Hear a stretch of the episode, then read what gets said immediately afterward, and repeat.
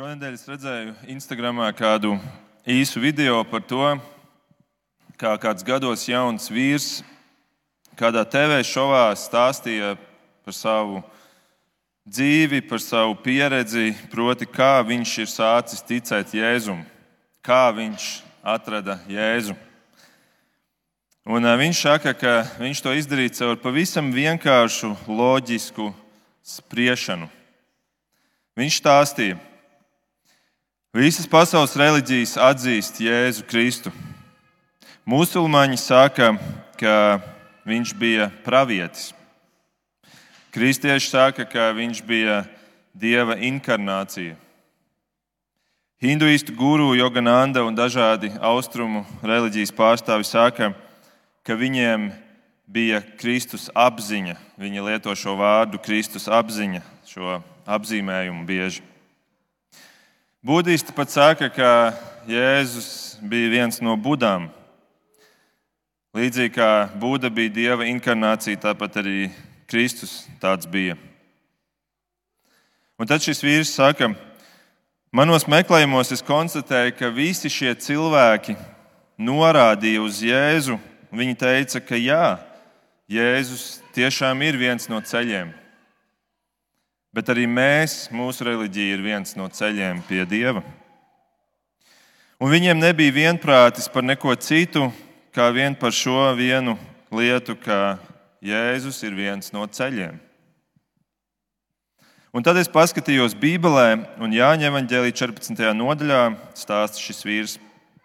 Viņš lasa, ka Jēzus tur saka, es esmu ceļš, patiesība un dzīvība neviens nenāk pie tēva kā viens caur mani. Tātad visi pasaules reliģiju pārstāvji atzīst Jēzu, bet Jēzus atzīst tikai sevi. Un tad man bija jāsacina, viņš saka, ka tas izslēdz viņus visus, jo visi saka, ka Jēzus ir foršs, Jēzus ir viens no ceļiem.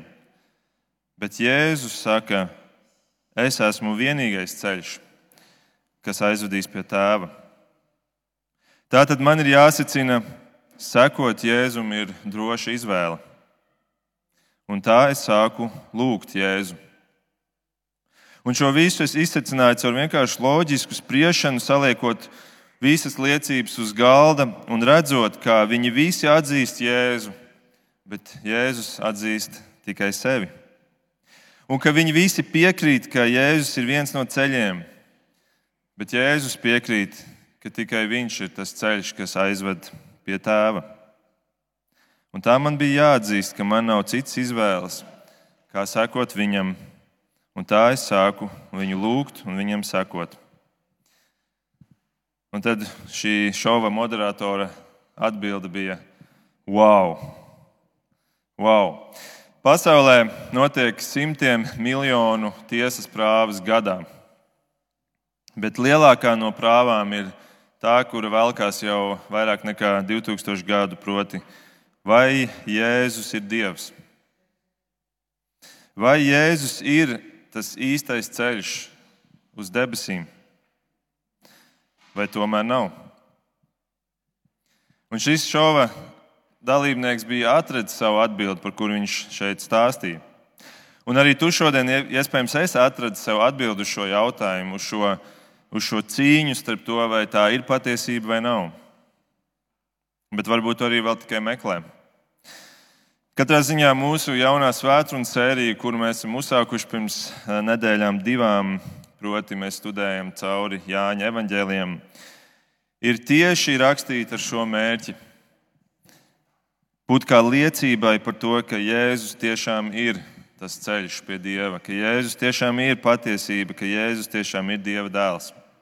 Un tāpēc tā centrālā raksturvieta šajā visā evanģēlijā ir 21. nodaļā, 30. pants, kur ir teikts tā, ka šis viss ir rakstīts, lai jūs ticētu, ka Jēzus ir Kristus, Dieva dēls, un lai jums, kas ticat, būtu dzīvība viņa vārdā. Nu, lūk, tātad šis evanģēlijs savā ziņā ir arī tāda tiesas prāva, kurā, kurā ir mērķis pierādīt to, ka Jēzus ir Dieva dēls un ka ticībā viņam mēs varam nonākt pie mūsu debesu tēva, nonākt tur mūžībā. Un tad šajā tiesas prāvā, kā pirmo liecinieku Jānis sauc priekšā vīru vārdā Jānis Kristītājs. Vīru vārdā Jānis Kristītājs. Un nākamajās svētdienās mēs dzirdēsim šī Jāņa Kristītāja liecību par to, ko viņš saka par Jēzu. Bet šodien mēs vēlamies atvērt tekstu, kas ir otrajā kas ir Jāņa evanģēlīja pirmajā nodaļā. Jūs arī, ja jums ir bībeles apkārt, varat atvērt.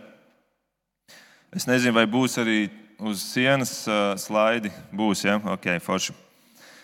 Atvērsim pirmo nodaļu, un mēs skatīsimies tekstu, kas ir no 19. panta līdz 28.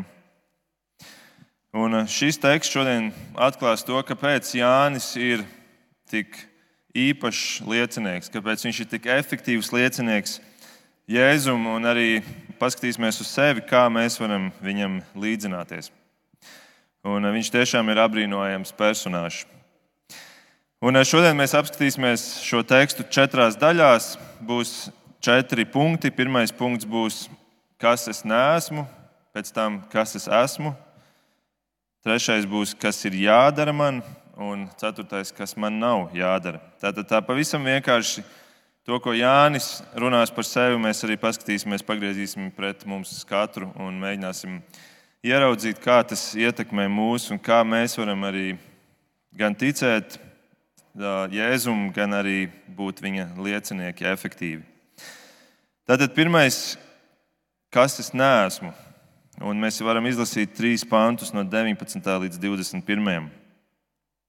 Un šī ir Jāņa liecība, kad jūri no Jeruzalemes sūtīja pie viņa priesterus un levītus, lai viņam jautātu, kas tu esi? Viņš stingri apliecināja, es neesmu Kristus. Tad tie viņam jautāja, kas tad, vai tu esi Elija? Bet viņš sacīja, es tas neesmu. Vai tu esi pravietis? Viņš atbildēja, nē. Tad mēs redzam, Jānis trīs reizes pasaka to, kas viņš nav. Bet Jānis Kristītājs, lai mazu kontekstu iedot tiem, varbūt, kuri nav daudz dzirdējuši par šo vīru, viņš interesantā kārtā bija brālēns Jēzum. Brālēns Jēzum. Tātad šeit mēs redzam tādas ģimenes, ģimenes lieta kaut kādā ziņā. Bet šis Jānis Kristītājs piedzima arī brīnumainā veidā tēvam Zaharijam, kurš bija priesteris, un mātei Elizabetei, kura bija neauglīga. Tātad viņiem nevarēja būt bērnu. Un tomēr piedzimst Dieva sūtīts šis Jānis Kristītājs, šis brīnuma bērns. Un Jēzus arī kaut ko brīnumainu saka pēc tam par šo viņa brālēnu Jāni Kristītāju. Mateja 11, 11. Jēzus saka, Patiesi es jums saku, starp dzimušajiem no sievietēm neviens nav cēlies lielāks par Jāni Kristītāju. Tas diezgan normāls tituls, un ne? Īpaši, ja vēl ņem vērā, ka to nesaka cilvēks, bet to saka pats Dievs. Nav neviens lielāks par Jānu Kristītāju cēlies no cilvēkiem. Bet es vēlos, ka jūs ievērojat to vārdu cēlies lielāks. Tātad te nav runas par to, ka viņš piedzima lielākais, jā, jo redz, tātad te nav runa par to, ka viņš bija brālēns Jēzum un tāpēc Jēzum ir tik augsts domas par viņu. Nē, viņš ir cēlies. Un tad mēs varam jautāt, kādā ziņā tad Jānis ir tas lielākais. Un viens no iemesliem ir tas, ka viņš vienkārši bija pirmais liecinieks Jēzum. Viņš bija pirmais, kurš iznāca publiski un paziņoja, ka Jēzus ir gaidāmais mesija. Viņš bija pirmais Jēzus liecinieks, un šajā rindā mēs stāvam 2000 gadus vēlāk. Šīs rindas pašā priekšā, pašā galā stāvēja Jānis Kristītājs.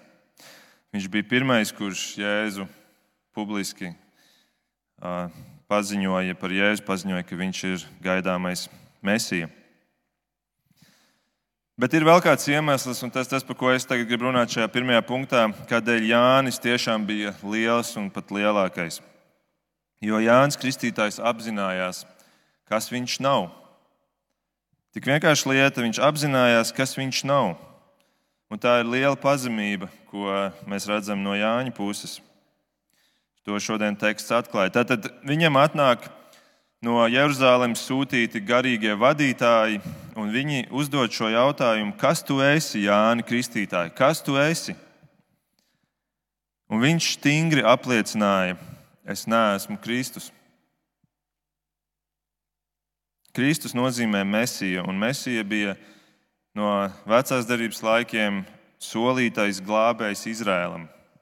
Patiesi, patiesībā jau no ēdienas laikiem, kad cilvēks izvēlējās grēkot, un Dievs solīja, es sūtīšu glābēju, tas ir šis mesija.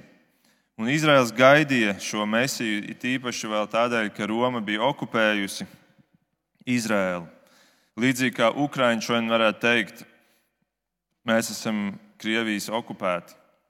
Mums ir vajadzīgs glābiņš, un, un tas bija smags jūgs tautai arī tur, tajā laikā.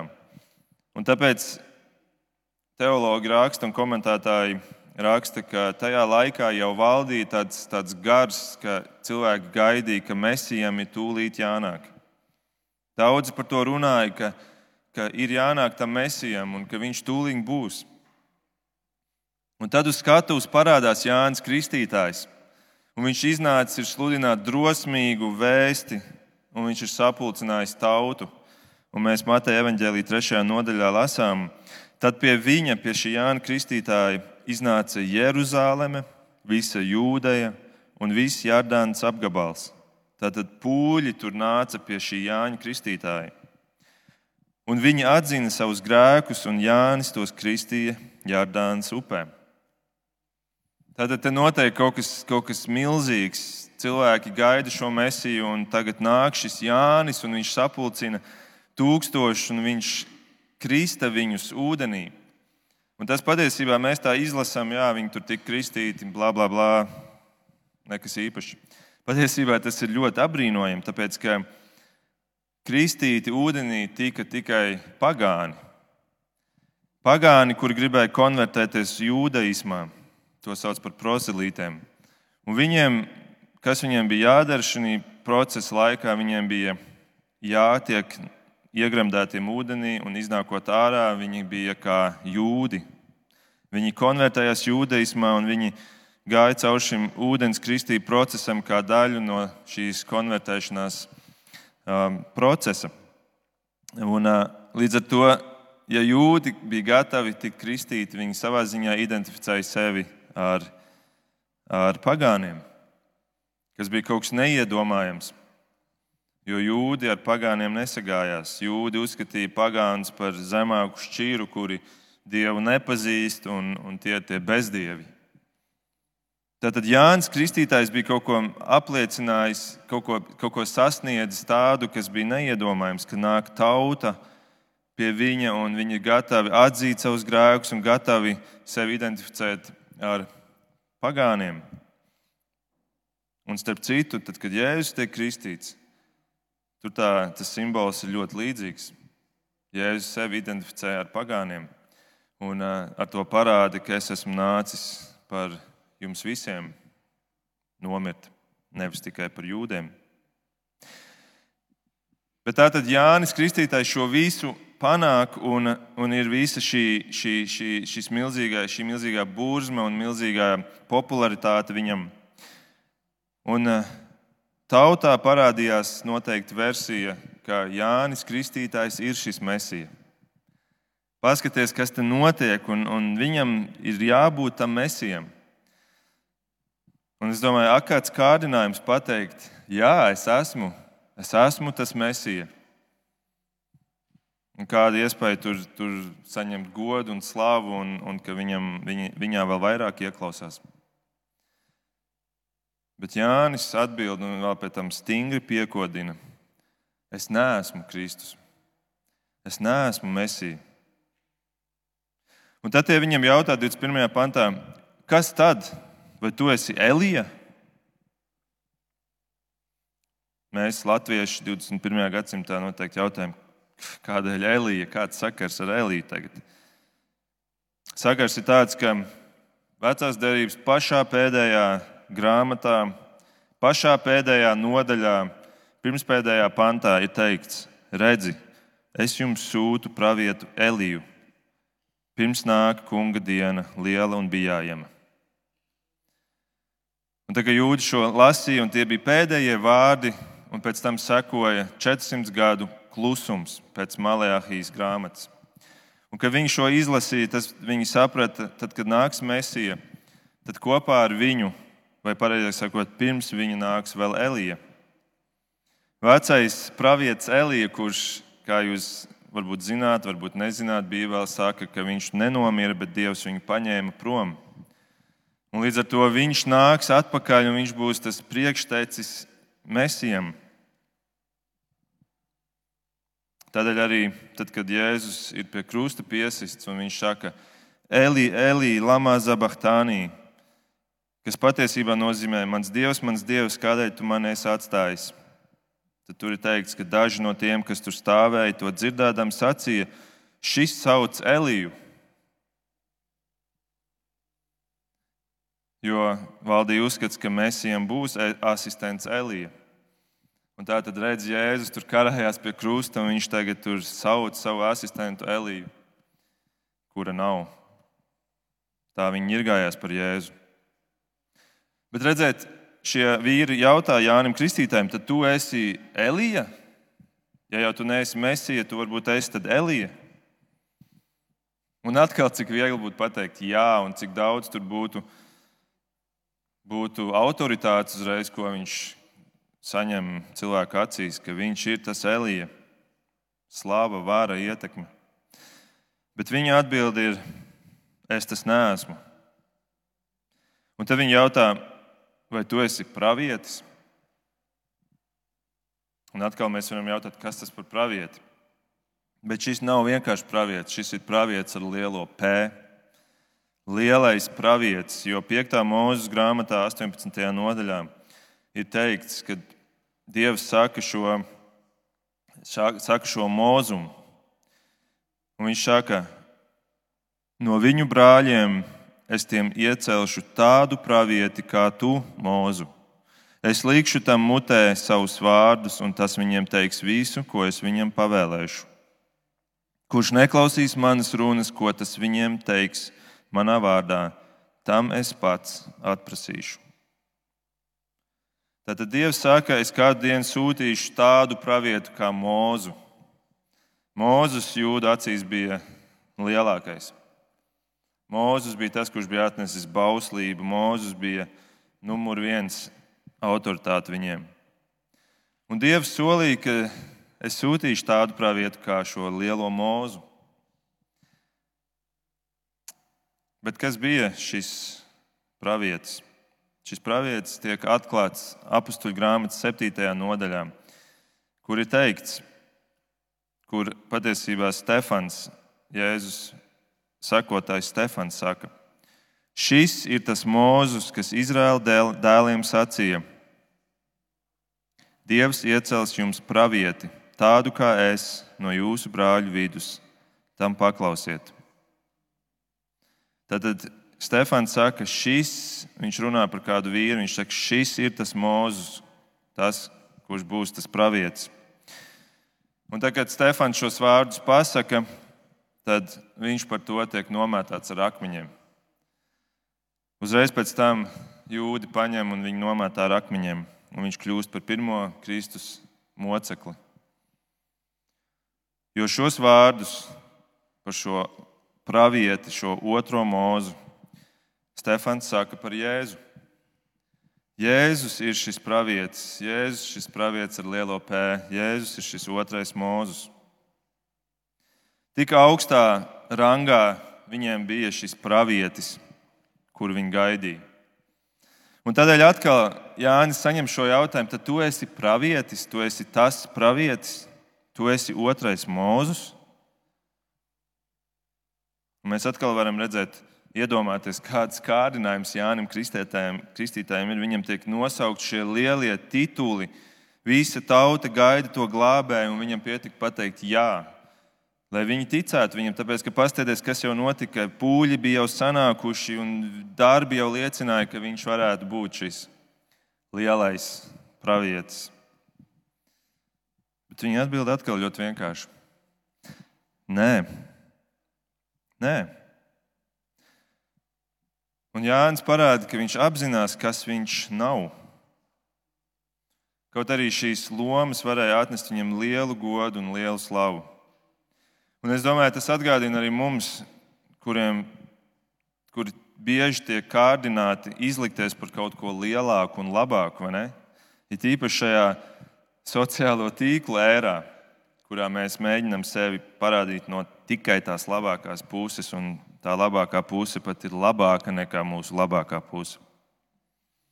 Ka patiesībā tomēr tieši tā apziņa, kas mēs neesam spējuši nest daudz spēcīgāku liecību par mums un par Dievu nekā, nekā šī, šī mākslīgā puse. Un tas ir skaistums Jānis Kristītājā. Viņš bija patiess. Viņš bija patiess, viņš bija pazemīgs. Viņš bija pat tik patiesa, ka tad, kad Jēzus jau ir atnācis, viņš atzīst savu šaubas, vai Jēzus tiešām ir tas mesija. Jo arī Jānis bija gaidījis mazliet citādāku mesiju nekā tas, ko Jēzus beigās parāda. Proti, ka viņam ir tik liela pretestība no jūda puses. Jānis Kristītājs ir gatavs atzīt šīs šaubas. Vai arī šajā pašā nodaļā viņš atzīst, ka viņš sākumā Jēzu nemaz neatpazina. 33. pantā viņš saka, ka Es viņu nepazinu. Cik lielai pazemībai tur ir jābūt, lai kaut ko tādu varētu pateikt? Tomēr Jāņa Kristītāja liecības spēks nebija tikai tajā, ka viņš, neapzin, ka viņš apzinājās, kas viņš nav, bet arī tajā, ka viņš apzinājās, kas viņš ir. Un tas ir mūsu otrais punkts. Kas es esmu? 22. un 23. pāns. Tad pēc visiem šiem jautājumiem un visam šīm noliedzošajām, noraidošajām atbildēm, viņi viņam jautā, tad kas tu esi? Lai varam atbildēt tiem, kas mūs sūtījuši. Ko tu saki par sevi? Un viņš teica, es esmu saucēji balss tūkstnesī. Dariet līdzenu ceļu kungam, kā pravietis iesēja sacījis. Jānis Kristītājs apzinājās, kas viņš ir.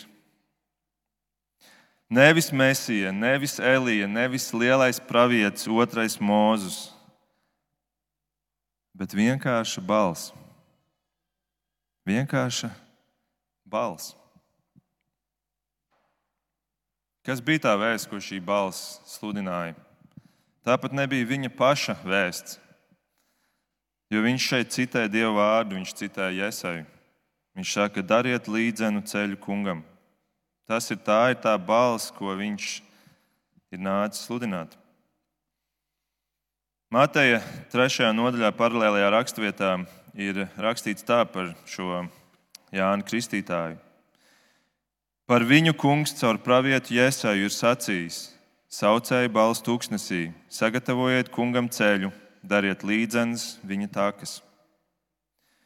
Un te viņš citē šo 40. nodaļu iesaistīts grāmatā, kur mēs ievadā lasījām. Un tur izlasīšu tikai pavisam īsu citātu. Tur bija teikts tā: Balss sauc, tūkstnesī sataisiet kungam ceļu, klājumā nolīdziniet taku mūsu dievam. Visas ielas, lai aizbēr visus kalnus un augurus nolīdzina, lai nelīdzens paliek līdzens un raupjums gluds. Un eh, pašās pēdējās vecās darbības grāmatā, atcerieties, es teicu, kur tā ir grāmata? Mālajāhīs tieši tā. Tur arī pēdējā nodaļā vēl ir arī teikts par Jānu Kristītāju. Tur ir teikts tā, redzi, es sūtīšu vēstnesi, tas sataisīs ceļu manā priekšā.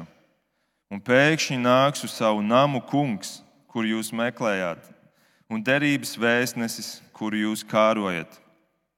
Redzi, viņš nāk. Pēc šī Maljāhijas pravietojuma, kā jau minēju, sekoja 400 gadu ilgs klusums. Tas būtu tā, it kā pēdējais pēdējā vēsts no Dieva būtu atskanējusi 1600. gadā. Un mums tagad gandrīz varētu teikt, kopš reformācijas laika klusums. Neviens pravietis vairs neko nerunāja no Dieva. Neviens vairs neko nedzirdēja no Dieva. Un ja tu vienmēr domāji, ka, ka šis sauciens, šis Jānis sauc no tūkstneša, kas ir fizisks tūkstnesis, jo viņš dzīvo jūdejas tūkstnesī, kur viņš staigāja kamieļu vilnas drēbēs un ēda siseņus un, un uh, savaļas bišu medu. Un ka tas viss ir šis fiziskais tūkstnesis, no kura iznāk Jānis Kristītājs, šis apbrīnojamais, iespaidīgais, gan pēc skata, gan pēc runas iespaidīgais vīrs tad zini, ka tā ir tikai puse patiesības. Jo viņš patiesībā iznāca arī no garīga tūkstneša. Tas bija garīgs tūkstnesis, kurā, kurā cilvēki dzīvoja 400 gadus bez dieva. Tas ir tūkstnesis. Un tādos tūkstnešos arī šodien cilvēki dzīvo. Iespējams, arī tu šobrīd atrodies tūkstnesī, kuri, kurā tu saki, ka Es, ne, es nedzirdu Dievu. Es nedzirdu viņu. Varbūt ne 400 gadus, bet 400 dienas es neesmu jūties, ka es saklausu viņu. Bet zini un, un redzi arī no šī teksta, ka Dievs spēja lietot šādus cilvēkus. Ne tikai spēja, bet viņš izvēlas lietot šādus cilvēkus. Un šādus cilvēkus viņš sauc par lieliem, un viņi kļūst par šiem vēstnešiem, par šiem lieciniekiem. Jānis Kristītājs kļuva par pirmo liecinieku mesijam, kā tāds ceļa sagatavotājs. Un, ko nozīmē sagatavot ceļu?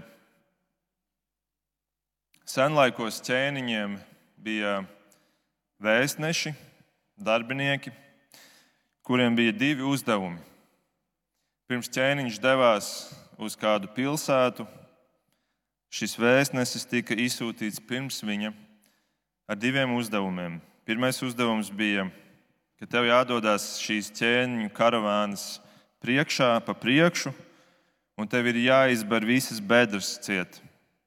Un tur, kur ir kaut kādi lielāki auguri, kur varētu būt problēmas ar ratiem, izbraukt vai būt pārāk nelīdzens, Tev ir jānolīdzina šis ceļš, tāpēc ka pa šo ceļu brauks ķēniņš. Otrais uzdevums bija, ka tev jāierodās šajā pilsētā, un tev jāiziet publiski laukumā un jāpasludina, ka ķēniņš tuvojas, ka viņš tūlīt būs klāt. Gatavojieties, sakārtojiet savus namus, sakārtojiet savu pilsētu. Un arī kā brīdinājumu, ja jūs nebūsiet gatavi, nebūs labi. Un tieši to darīja Jānis Kristītājs. Un, ziniet, tā, kad mēs paskatāmies uz sevi, jautājums, vai tas attiecās arī uz mums, vai arī mēs esam vēstneši, saka, jā, es nāku drīz. Jā, es nāku drīz. Un līdz ar to tu, kristieti, brāli un māsi, ja tu tici tam, ka Jēzus nāks drīz, ka Jēzus nāks otro reizi, tad tu esi vēstnesis. Tu esi vēstnesis, kuram ir arī uzdevums iet un līdzināt ceļu šim Kristum. Šo ceļu, kas ved pie cilvēku dzīvēm. Un tāpēc tas ir tas lielais un skaistais uzdevums, ko mēs kā ticīgie varam darīt. Tā ir mūsu dzīves misija. Cilvēkam, kuram šīs misijas nav, viņš varbūt meklē to savu vietu šajā pasaulē meklē to, lai būtu noderīgs, lai kādam, lai, lai būtu cilvēku acīs novērtēts. Bet mums, kristiešiem, mums nav nekur tālu jāmeklē. Tas ir mūsu uzdevums - būt par vēstnešiem. Un tā nu Jānis Kristītājs apzinājās, kas viņš nav, bet viņš arī skaidri apzinājās, kas viņš ir. Un tad viņš arī apzinājās to, kas viņam ir jādara. Kas viņam ir jādara? Un, uh, tas ir mūsu trešais punkts, un 24. pantā mēs lasām, bija atsūtīti arī farizēji, un tie jautāja viņam, tātad Jānim Kristītājam, Kādēļ tu kristīji, ja tu neesi ne Kristus, ne Elija, ne pravietis? Jānis viņiem atbildēja: Es kristīju ūdenī. Pagaidām šeit apstājamies. Es kristīju ūdenī. Tātad Jānis apzinās ļoti skaidri, viņam ir skaidra atbilde. Es kristīju ūdenī. Es zinu, ko es daru. Es zinu, kas ir mans lauciņš, es zinu, kas man ir jādara. Es kristīju ūdenī. Šķiet ļoti vienkārši, vai ne? Un patiesībā jau tā arī ir.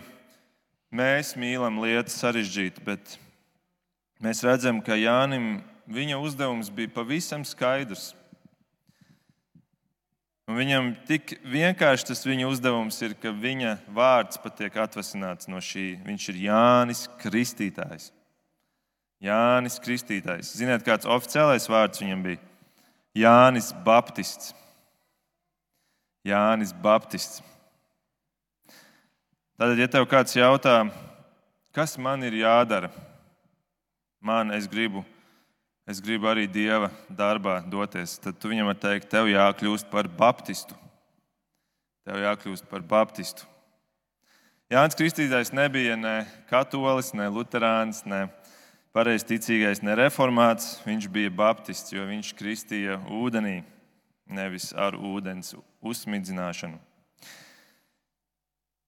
Labi, bet Jānis Kristītājs savu baptistu pārliecību, savu kristīšanas pārliecību apliecina 33. pantā, tas ir mazliet uz priekšu, bet tur viņš saka tā: Es viņu nepazinu, bet tas, kurš mani sūtīs kristīt ūdenī, jā, tātad ūdenī, nevis ar ūdeni uz galvas.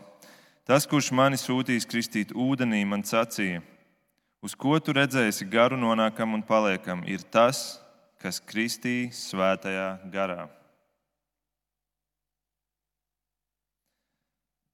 Šeit mēs redzam, Jānis zināja, kas viņam ir jādara, bet kā viņš bija tik drošs, kāpēc viņš bija tik pārliecināts? Tāpēc, ka viņš apzinājās, kas viņu ir sūtījis. Viņš apzinājās, ka tas nav tikai tāds, es izlā, izvēlos no to, kurš, to uzdevumu, kurš man pašam liekas visinteresantākais. Nē, viņš apzinājās, kas viņu ir sūtījis. Viņš pats saka, tas, kurš mani sūtījis kristīt ūdenī. Un kurš tad tas ir? Šajā stāstā mēs to neredzam, kurš viņu sūtīja. Mēs tikai redzam, viņš jau tur ir, viņš jau krista un pūļi nāk. Bet Lūkas evanģēlijā ir interesanti pateikts, kas viņu sūtīja. Paklausieties, Lūkas 3.2. Augsto priesteru Hannas un Kajafas laikā Dieva vārds nāca tuksnesī pār Jāni, Zaharijas dēlu. Dieva vārds nāca pār Jāni Kristītāju, kamēr viņš bija tūkstnesī. Un sanāk, ka tas pats Jēzus, kurš ir tas Dieva vārds, un ne, to mēs mācījāmies pašā Jāņa evanģēlī sākumā, kad iesākumā bija vārds, un tad mēs lasījām 14. pantā, un vārds tāpa miesa. Ka patiesībā tas pats Jēzus nāk tūkstnesī pār Jāni un sūta viņu kristīt ūdenī.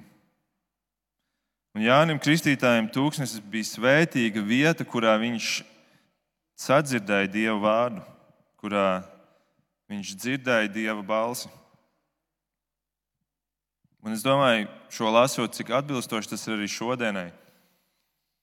Kad mēs tik bieži arī sūdzamies par tiem tūkstošiem mūsu dzīvēm. Vienalga, vai tas ir garīgs tūkstnesis, vai veselības tūkstnesis, vai materiāls tūkstnesis, bet Mēs bieži vien sūdzamies par to. Un tomēr tieši tūkstnesis ir parasti tā vieta, kur mēs visvairāk meklējam Dievu, kur mēs visvairāk kļūstam kaut kādā brīnumainā veidā dzirdīgi pret Dievu, kurā mēs pat meklējam saklausīt viņu, kurā mēs atvēlam laiku Dievam. Un es arī varu to teikt par sevi, par savu dzīvi. Tūkstnesī Jānis Kristītājs bija dzirdējis Dieva vārdu, un tas vārds viņu sūtīja kristīt ūdenī un sludināt atgriešanos no grēkiem. Un tāpēc Jānis zināja, kas viņam ir jādara. Un tāpat ir mums šodien. Jautājums ir, vai mēs zinām, kas mums ir jādara? Jā, varbūt mēs nezinām tieši, ko darīt draudzē, vai šo uzdevumu, vai to uzdevumu, bet kopumā mēs, mēs zinām, ka mums ir jāiet. Jēzus pašā dzīves beigās saka, ejiet un dariet par mācekļiem visas tautas, tās kristīdami. O, kā, tas pats gandrīz, ko Jānis sūtīja. Ne? Ejiet un dariet par mācekļiem visas tautas, tās kristīdami un mācīdami turēt visu, ko es esmu jums pavēlējis. Mēs esam tie paši Jāņa Kristītāji, bet viņš zināja, kas viņam ir jādara. Vai tu zini, kas tev ir jādara? Vai tu zini, ka man ir kaut kas jādara? Man ir jāiet, un, un šis laiks, kas man ir Dieva dots, jāizmanto gudri. Vienalga, kur es esmu, vai darbā, vai draudzē, vai ar draugiem, bet meklēt veidu, kā es varu līdzināt cilvēkiem ceļu. Es redzu šīs bedres, bet mēģināt, varbūt klusībā palīdzēt nolīdzināt. Varbūt tie ir kādi vārdi, kādas sarunas, kuras mēģina paskaidrot kādas lietas pacietībā par kristietību, par ticību, par Jēzu. Varbūt tā ir vienkārši lūkšana par šiem cilvēkiem. Es biju kādā vīru pasākumā, kur mums, mēs vienkārši sanācām kopā, kādi 11 vīri no dažādām draudzēm, vienkārši, vienkārši tādu sarunu vakaru, vienkārši brīvā formā parunāt par, par, par, par ticības jautājumiem. Un katram bija uzdots padomāt kādu jautājumu. Un, un tad neviens nebija izdomājis nevienu jautājumu, bet es biju un tad es uzdevu jautājumu, um, vai Jēzus aicinājums ir domāts attiecās kopumā uz draugu. Nu, tu izveido draugu, tad tu aicini uz dievkalpojumiem, un tas dievkalpojums ir tas, kas dara šo, šo liecināšanu, šo aicināšanu, šo aicināšanu uz grēku nožēlu un uz kristībām. Tātad, principā, mācītājs ir tas, kurš to dara. Vai arī tas attiecas uz mums katru individuāli, kristieti ikdienā? Nu, man jau likās, ka atbildi ir pašsaprotama, vairāk vai mazāk, bet uzreiz divi vīri uzņēmās iniciatīvu un dedzīgi aizstāvēja aizstāvēja viedokli, ka kristiešiem ir jātur mute. Kristiešiem ir jātur mute un tikai ar savu dzīvi drīkst liecināt. Vārdi ir lieki un pat nevēlami, jo tie atbaida cilvēkus. Tad mums izvērtās ļoti interesanta diskusija, trīs stundu garumā par šo vienu jautājumu, bet bija ļoti, ļoti labi. Bet es piekrītu, ka mums ar savu dzīvi ir jāliecina, un, un dzīvē ir jābūt tam pamatojumam, kāpēc cilvēks vispār ieklausīsies. Bet ir jābūt arī vārdiem. Un Jānis Kristītājs tieši to darīja. Viņš gāja, viņš kristīja, bet viņš arī sludināja un neturēja savu muti. Viņš pat diezgan bezskaunīgi no varbūt jūdu garīdznieku vadības runāja ar viņiem. Bet Mateja 3. mēs lasām, Jānis Kristītājs sludināja jūdejas tūkstnesei Atgriezieties no grēkiem, jo debesu valstība ir klāta. Un tā nu mēs redzam, ka Jēzus sūta šo Jānu Kristītāju. Viņš apzinās savu misiju, un tāpēc viņš ir tik efektīvs. Bet viņš apzinājās ne tikai to, kas viņam ir jādara. Šis teksta pašas beigas un pēdējais punkts mums parāda, ka viņš apzinājās, kas viņam nav jādara. Un arī tas ir svarīgi. Un tā ir tā izsvērtā kristiešu dzīve. Es apzinos, kas es esmu, bet es arī apzinos, kas es neesmu.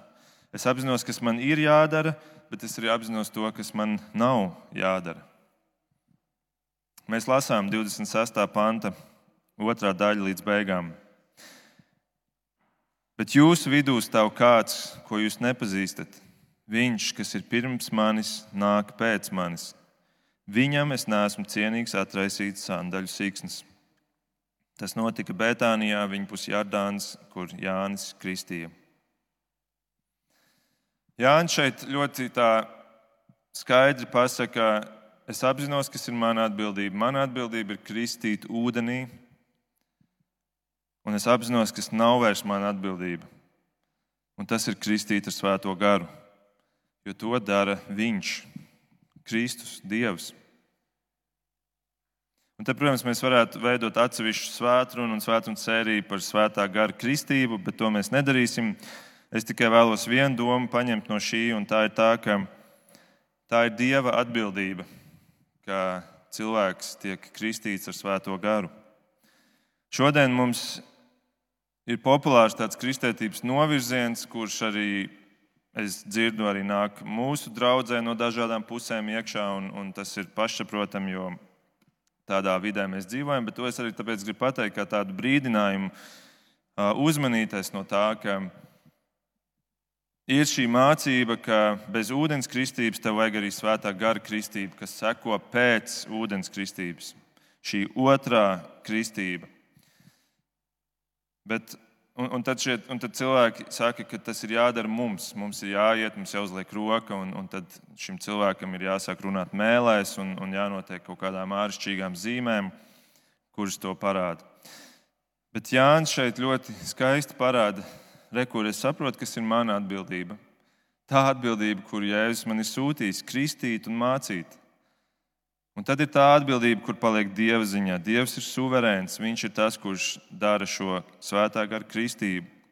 Un šī svētā gara kristība ir pirmā. Tā ir tā kristība, kas notiek tevī iekšēji vispirms, kur tu piedzimsti no svētā gara, un tāpēc tu esi gatavs iet un atsaukties, doties ūdens kristībā. Un Jānis Kristītājs apzinās šo, un viņš saprot, mana robeža ir tas, ko Dieva vārds man ir sūtījis darīt. Bet tad ir lieta, robeža, kur man nevajag iet iekšā, kas man vairs nav jādara, man ir jāuzticas Dievam, tas ir viņa darbs. Un tas, mīļā, arī mums ir atgādinājums arī lūgt par cilvēkiem, sludināt viņiem, bet apzināties, ka tas ir suverēnā Dieva jomā. Tā ir viņa atbildība. Un tomēr mums ir mūsu atbildība, kura mums ir jāpilda. Un Dievs arī lieto mūs, lai cilvēkiem dotu šo svētā gara kristību. Jānis noslēdz ar interesantu piebildi, ka viņš pasaka, ka viņam es neesmu cienīgs atraisīt sandaļu siksnas. Un te viņš parāda, ka es saprotu, cik liels ir Dievs un cik zems esmu es. Un šis zemi, zemiskums, nē, bet šī, šī pazemība, šī pazemība ir tā, kas padara Jāni tik lielu. Viņš saka, ka es neesmu cienīgs pat darīt to, kas ir zemākā kalpa uzdevums, proti, atraisīt sandālus. Tajā laikā cilvēks staigāja ar zandalēm, un viņiem bija karsti laikapstākļi, kājas bija sasvīdušas un smirdēja. Tās bija aputējušas, tās bija dubļainas, tās bija netīras no kanalizācijas, kas tecēja pa ielas vidu. Tās bija apmērētas, aplipušas ar lopu izkārnījumiem, kas bija uz ielas, jo viņi tur staigāja visi kopā. Un tad Jānis Kristītājs saka šim mesijam, es neesmu cienīgs pat darīt tik vienkāršu un zemu uzdevumu, kā atraisīt sandaļu siksnas. Un tas, ir atgādinājums mums par to, ka mēs turam Dievu tik augstu, ka mēs saprotam, cik mēs esam necienīgi. Un tomēr mēs apzināmies, cik Dievs ir mūsu augstu cēlis, ka Viņš mūs grib lietot uzdevumam, kuru Viņš pats varēja darīt bez mums. Un varbūt mēs tā domājam, nu jā, Jānis Kristītājs, viņš bija cita līga, viņš bija Jānis Kristītājs lielākais no visiem. Bet patiesībā Jēzus tajā pašā rakstvietā pabeidz ar teikumu, bet mazākais debesu valstībā ir lielāks par Jāni Kristītāju. Un mēs visi, kur esam Kristū, mēs esam jau debesu valstībā. Debesu valstība ir šeit, tā ir sākusies šeit, un tikai tad, kad mēs fiziski nomirsim, mēs pārkāpsim slieksnim pāri un nonāksim arī pilnībā garīgi debesu valstībā. Bet šeit mēs esam jau debesu valstībā, dzīvojam to jau šobrīd.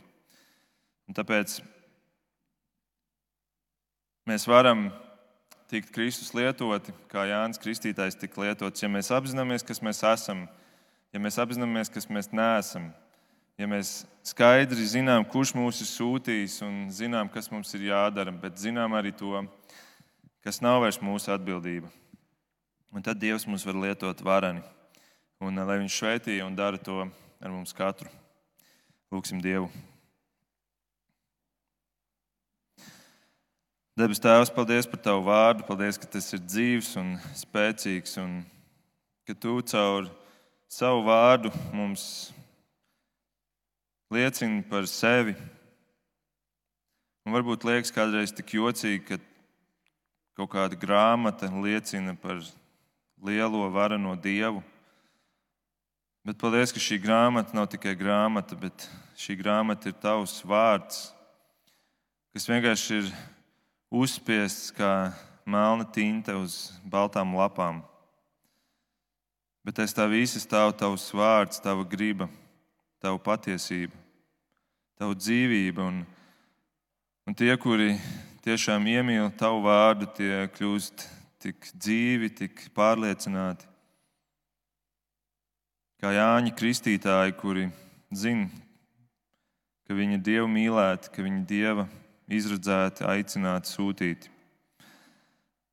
Lūdzu, dod, kungs, ka arī mēs varam būt tie, kuri nolīdzina ceļu.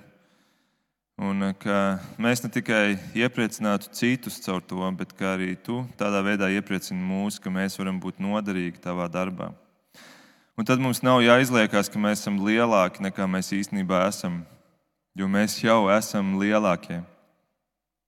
Tavās acīs lielākie, un mums nevajag tiekties pēc kaut kā mākslīga, pēc mākslīgā goda un cieņas, un mēs varam pateikt nē, nē un nē, tā kā Jānis to darīja. Es tev lūdzu, kungs, par mūsu draugu, ka, ka tu varētu pieskarties arī ar šo patiesību un darīt brīvus, un darīt spēcīgus, un darīt pārliecinātus, un darīt par lieciniekiem kurus arī tu savā tiesas prāvā vēlies saukt priekšā, jo viņi ir uzticami un pārliecināti. Un ar savu dzīvi un ar saviem vārdiem liecina par tevi. Lūdzu, svētī mūs, to es lūdzu mūsu Kunga Jēzus Kristus vārdā. Amen!